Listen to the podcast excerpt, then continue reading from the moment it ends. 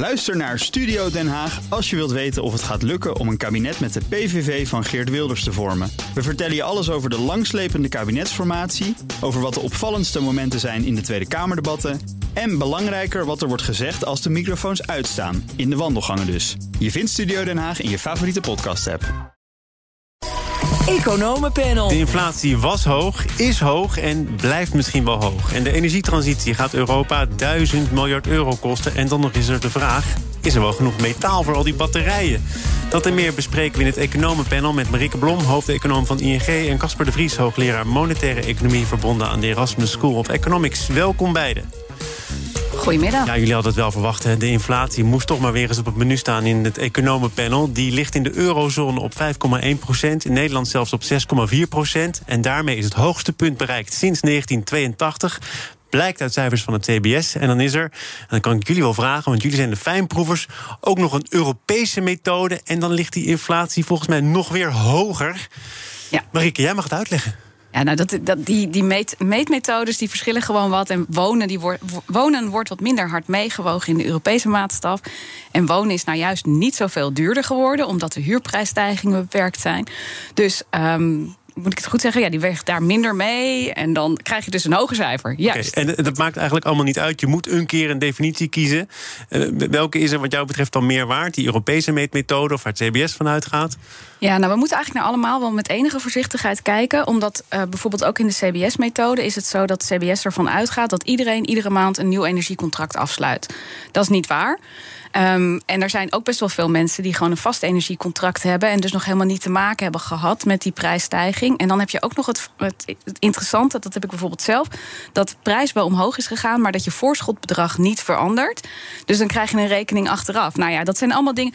En weet je, al deze die groei, die stijgingspercentage van die prijzen zijn zo enorm wat er met energie gebeurt, de, de, niveaus van die prijzen, die prijsstijgingen zijn zo enorm.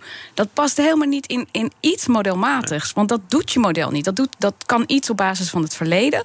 Maar hier iets vertellen over de toekomst, daar moeten we allemaal heel voorzichtig over zijn hoor. Nou, je kunt misschien wel tips delen. Want ik las op Twitter dat jij fors bezig bent om energie te besparen. Dat is natuurlijk ons aller verantwoordelijkheid. Ja, nou ja, dat is natuurlijk één reactie die je hier ziet. En dat maakt het ook, ook weer lastig. Hè? Dus normaal gesproken zou je zeggen, prijzen gaan zo hard omhoog. Nou, dat gaat direct in de koopkracht. Want het geld wat naar buiten Nederland gaat. En dat betekent dus ook veel minder consumptie. Nou, wat hebben we nu? Mensen gaan in hun gedrag waarschijnlijk hierop reageren. Zoals ik. Ik ren het hele gezin achterna en ik zeg kraan uit. Het is uh, koud bij jullie. Nou, dat valt mee Oh, hoor. Het was misschien een beetje, beetje te warm bij ons in huis. En, en we hebben zonnepanelen uh, laten leggen, uh, toevallig begin van dit jaar. Te laat. Dat scheelt allemaal. Nou ja, goed, dat scheelt wel. Hè. Dat scheelt voor, voor ja. dit jaar voor, voor de rekening. En dat is dus ook een gedragsreactie waarvan we nu niet weten hoe, hoe sterk die nou precies gaat zijn, gegeven die enorme prijsstijgingen. Het andere wat we niet weten is dat er natuurlijk veel huishoudens zijn die in de coronatijd veel geld hebben overgehouden. Dat gaat om hele hoge bedragen. Gemiddeld voor een huishouden 10.000 euro extra op de bankrekeningen. Ja, niet, ja. niet helemaal eerlijk verdeeld. Hè. De mensen die niet al veel hadden verdeeld. en veel verdienen... sparen natuurlijk aanzienlijk makkelijker dan de mensen die moeite hebben om de eindjes bij elkaar te knopen. Absoluut waar. En dat is natuurlijk ook het hele punt hierbij. Hè. Want je gaat, vast zo dadelijk, je gaat zo dadelijk vast iets vragen over koopkracht. Ja, en wat zie je hier nu? Nou, dit is dus geld wat Nederland uitstroomt. Voor een groep mensen geldt dat zij dat eigenlijk die pijn wel kunnen dragen. Is vervelend, maar draagbaar. En voor een groep mensen geldt dat ze het eigenlijk niet kunnen dragen. En het is hartstikke lastig nu voor politici... A, om de roep van die eerste groep mensen te weerstaan... En ten tweede om dan die tweede groep mensen er goed uit te vissen. Dat is inderdaad het resultaat van het Nibud. Hè. Die hebben de kabinetsplannen tegen het licht gehouden en zeggen die koopkrachtverbetering die wordt zo ongeveer opgegeten door de inflatie. En dan nog zijn er hele grote onderlinge verschillen, waarover zo meteen meer. Casper, uh, welke methode je er ook op nahoudt, is het zorgwekkend, die zeer hoog oplopende inflatie? Nou, het, interessante aan deze inflatie is dat die niet voldoet aan het uh, fenomeen uh, of het adagium van Friedman. Die zegt dat elke inflatie altijd en overal een monetair fenomeen is. En dit is gewoon niet waar. Vandaar dat de ECB er ook eigenlijk niks aan kan doen. Het komt gewoon van buiten door de energieprijzen en een gedeeltelijk inderdaad ook de, de coronasteun meer zo in Amerika dan hier. Maar ja, we, we zijn gewoon armer geworden als Nederland... als de, de olieproducenten de prijs verhogen. Je staat en dat erbij moet, te stralen bij dat armer worden, Casper. Want je kunt er dus niks Nou aan ja. doen, dus, dus laat het maar over je heen komen. Nou, je kan in ieder geval niet iedereen compenseren. Dat is de grote fout die ook de Tweede Kamer maakt. Dat kan gewoon niet, want als je met z'n allen armer wordt... zal je de prijs moeten Ja, betalen. de je kan wel de maakt verdeling... maken, ben jij er bang voor? Want wo- wordt er op dit moment al iedereen gecompenseerd dan? Nou ja, dat, dat is dus wat we in de jaren zeventig zijn gaan doen. En dan krijg je dus inderdaad stagflatie. Als er groepen zijn die onevenredig worden geraakt, dan kan je die proberen te compenseren. Dat kan. Maar ten koste dan van nog meer eh, weghalen bij anderen. En eh, ja, dat, dat moet je accepteren. En, eh, en dat, dat is natuurlijk wat, wat heel moeilijk is eh, eh, om, voor de Tweede Kamer om te, om te behapstukken. Nou, maar, maar zo zit het gewoon in elkaar. Dit is gewoon geen monetaire inflatie. Het is gewoon een prijsverhoging van buiten. En ja, dan wordt Nederland armer. Marieke? Nou, de minister van Financiën lijkt vooralsnog ook wel nuchter te blijven. En die zit eigenlijk wel een beetje op, die, op diezelfde richting waar veel economen in zitten. Hè. Dus zeggen, nou, dat, dit kan gewoon niet voor iedereen. Ehm, eh, wat belangrijk is, dat de Tweede Kamer ook in zijn hoofd moet houden. Want het gevoel zou kunnen zijn, ja, maar nu gaat het beter met de economie. Dan moet toch ook iedereen dat voelen. Nou, toen het slechter ging met de economie, voelde ook niet iedereen dat. Lang niet iedereen heeft daar echt last van gehad.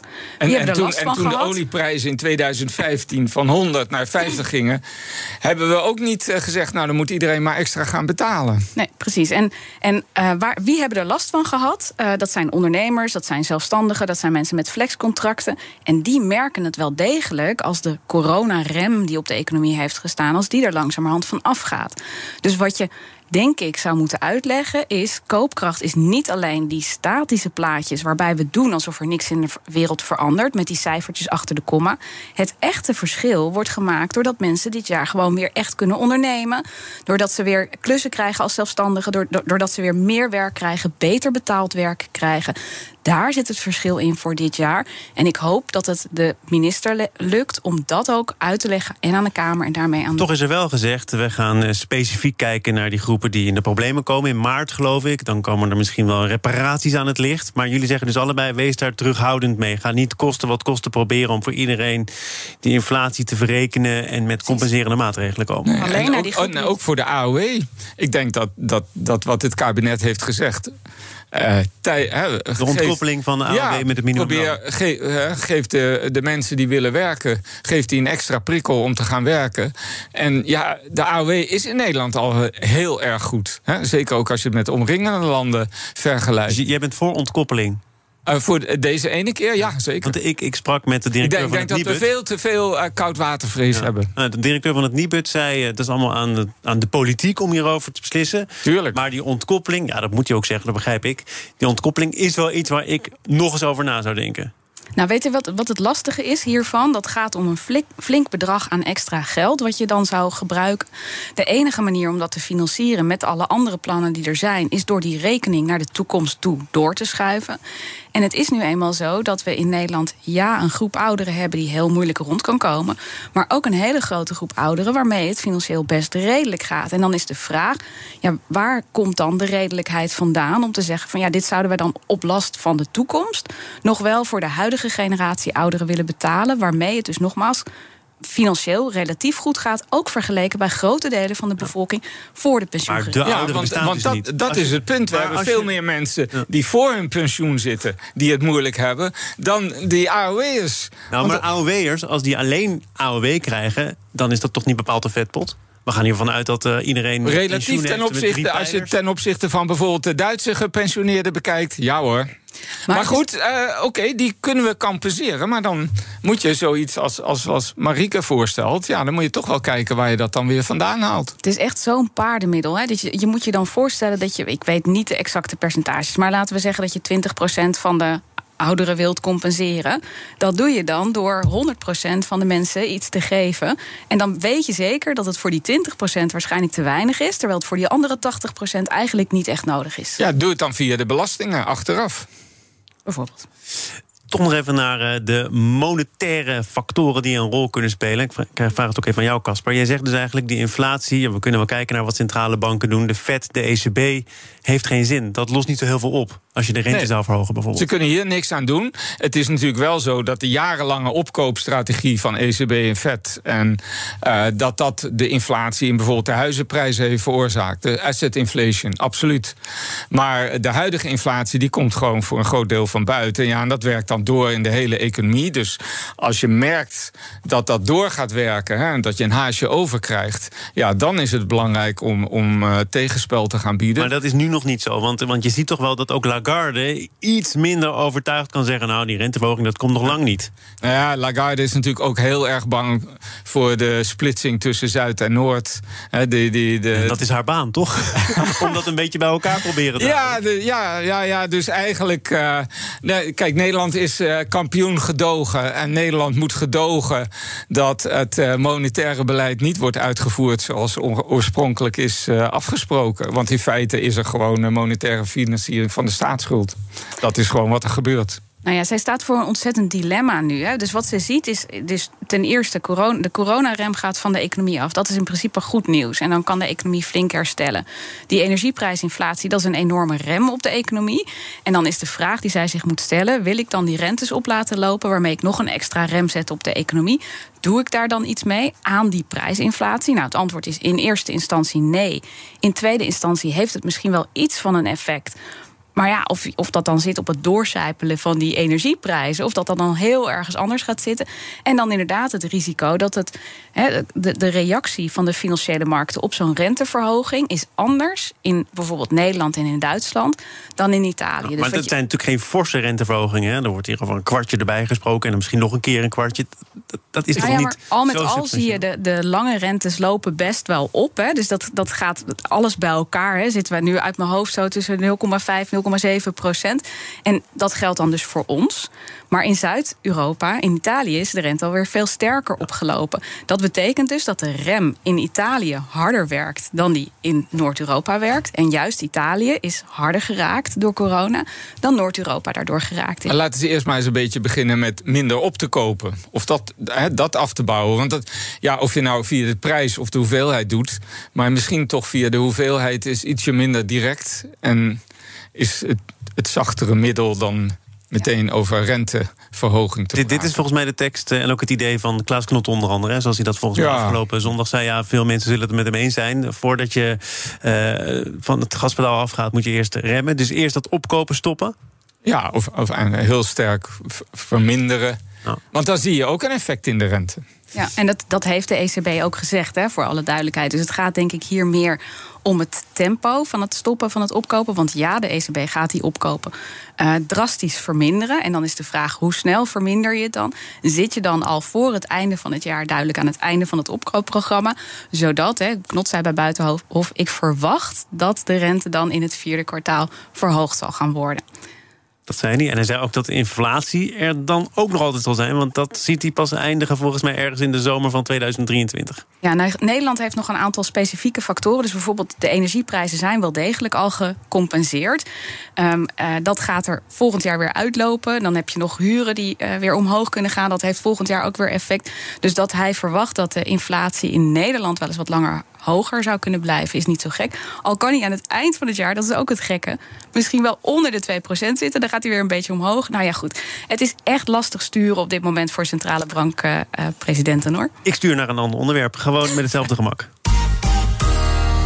BNR Nieuwsradio. Zaken doen.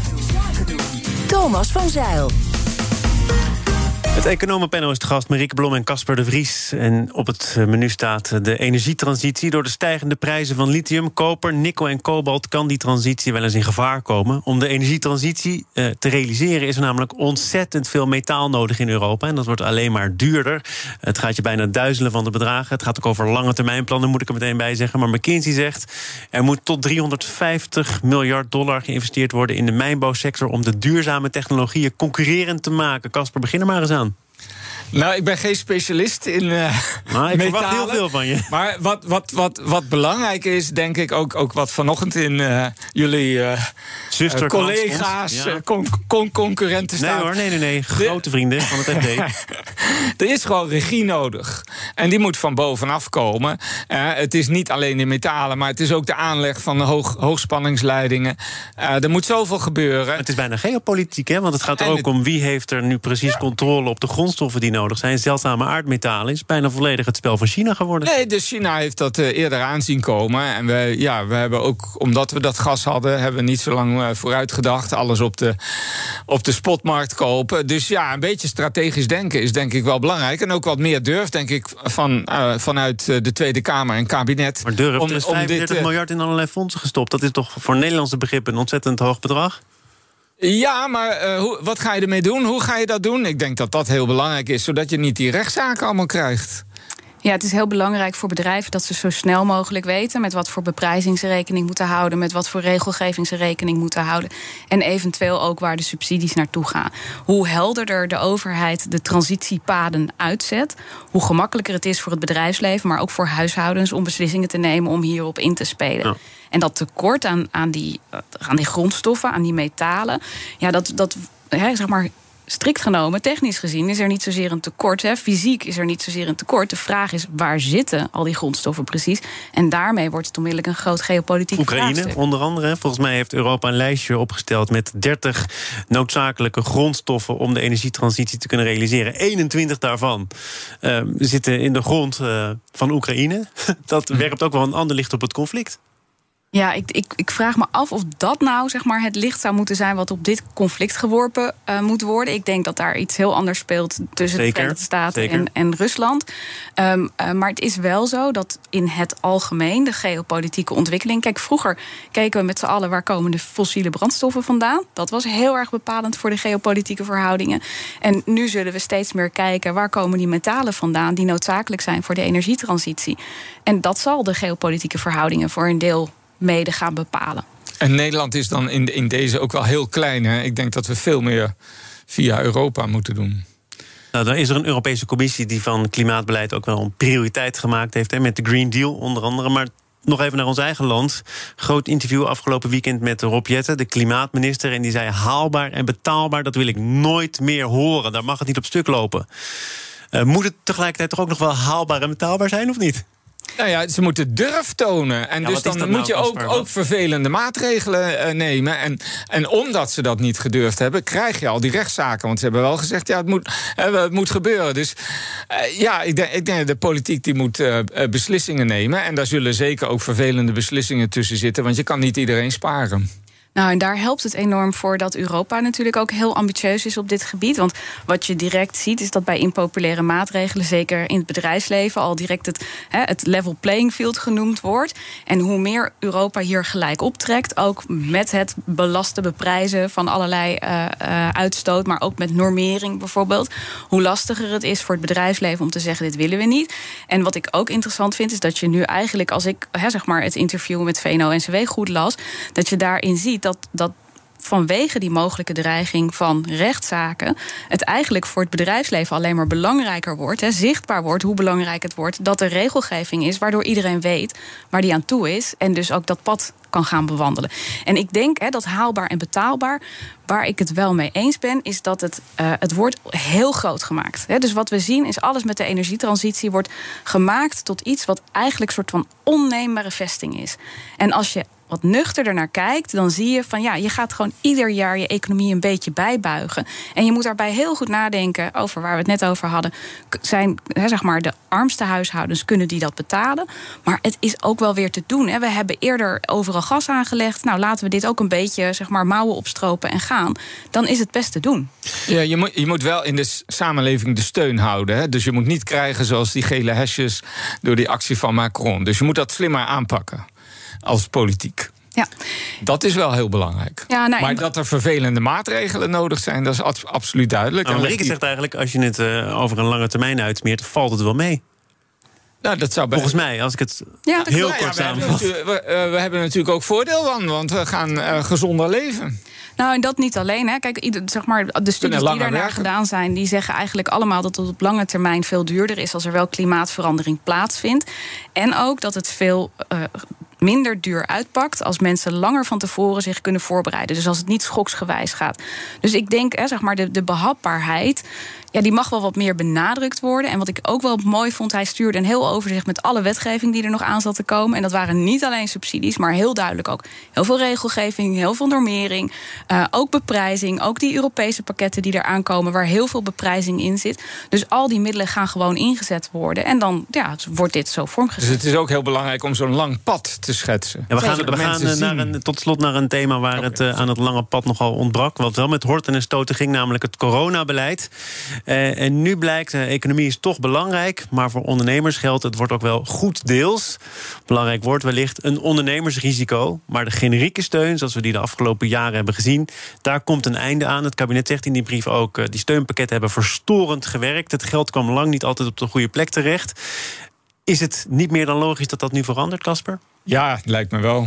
En ja, een griepepidemie, daar, daar krijg je ook geen compensatie voor.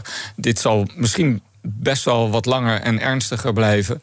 Maar uiteindelijk moeten we dat als samenleving oplossen. En we hebben vangnetten in deze samenleving, ook voor Maar ondernemers. die ondernemers zullen dat vangnet eh, soms ook wel nodig hebben. Want die hebben natuurlijk ingeteerd op hun eh, eigen vermogen. Die hebben hun pensioen opgegeten. Eh, Nou, die staan er misschien helemaal niet zo goed voor. Ook al hebben ze de crisis overleefd. Nee, misschien moet, zijn er. Of, of het stoppen van je eigen bedrijf is heel kostbaar. als je met je volledig eigen vermogen garant staat. Dus misschien is er hier en daar nog wat compensatie nodig. Maar we moeten gewoon stoppen. Met, Hier en eh, daar. steun. Jacco Vonhoff zei afgelopen vrijdag in de Telegraaf... eh, schulden opgebouwd tot 40 miljard opgeteld. Eigen vermogen ingeteerd 10 miljard. Red je het dan met hier en daar een vangnet? Nou, ik denk, dat- ten eerste denk ik dat het meeste geld goed terecht is gekomen. Hè. Laten we dat ook even benadrukken. Ja. Ehm, en dat is, dat is goed om te zeggen, want ik heb denk ik net ook geprobeerd te benadrukken dat er heel veel mensen zijn die financieel heel weinig van corona hebben gemerkt. En dat er dus naast een economische rationale ook iets is als rechtvaardigheid, dat snap ik heel goed. En daar ben ik het eerlijk gezegd persoonlijk van harte mee eens. Eh, het zou eigenlijk heel raar zijn als we deze corona-crisis uitkomen en tot de conclusie moeten komen dat 95% van de mensen er eigenlijk financieel nauwelijks wat van gemerkt heeft, misschien zelfs op vooruit is gegaan. En dat 5% of minder van de mensen er echt echt hard door geraakt is. Hoe logisch Maar is we dat? moeten toch in Nederland wel een beetje oppassen. Alles willen te compenseren. We hebben gewoon pech in het leven. Ja, maar dat- Iedereen kan ziek worden. Gaan we ook niet compenseren. Nee, maar dit is wel een beetje het beeld wat er over de afgelopen tijd nu gecreëerd wordt. Terwijl ik denk van waar ondernemers voor gecompenseerd zijn, is eigenlijk een heel onvoorzienbare periode. Ook de afgelopen periode was niet goed te voorzien. Hè? Ik bedoel, de communicatie. En ik heb die brief nog een keer gelezen en ik dacht bij mezelf: zou ik nou als ondernemer snappen waar ik op moet anticiperen? En mijn antwoord is. Nee, en ik denk dat dat echt duidelijker moet. En dan kun je zeggen tegen ondernemers: je wist wat je kon verwachten. Ja, ik weet niet. Ik, ik denk dat, dat je heel voorzichtig moet zijn met, met compenseren. Maar eh, misschien inderdaad bij faillissement. Nee, ik, ik denk dat je het gewoon moet stoppen. Maar ja, zou moeten stoppen? Of moet je nog kijken naar hoe lang ondernemers de tijd hebben om schulden bijvoorbeeld eh, terug te betalen? Ja, nee, maar dat, dat is ook zo. Hè. De belastingen die kunnen ze uitsmeren over meerdere jaren, die ze terug moeten betalen, et cetera. Dus, dus er zijn maatregelen genomen. Ik denk dat we gewoon op moeten houden. We houden er ook maar mee op. We nemen dit advies meteen ter hand. Casper de Vries, hoogleraar monetaire economie... verbonden aan de Erasmus School of Economics... pakt het FD nog eventjes mee. Uiteraard goed voor in de trein zometeen. En Marieke Blom, hoofdeconoom van ING. Dank voor jullie komst. Goedemiddag. Zometeen dan eh, praat ik met de baas van de vegetarische slager.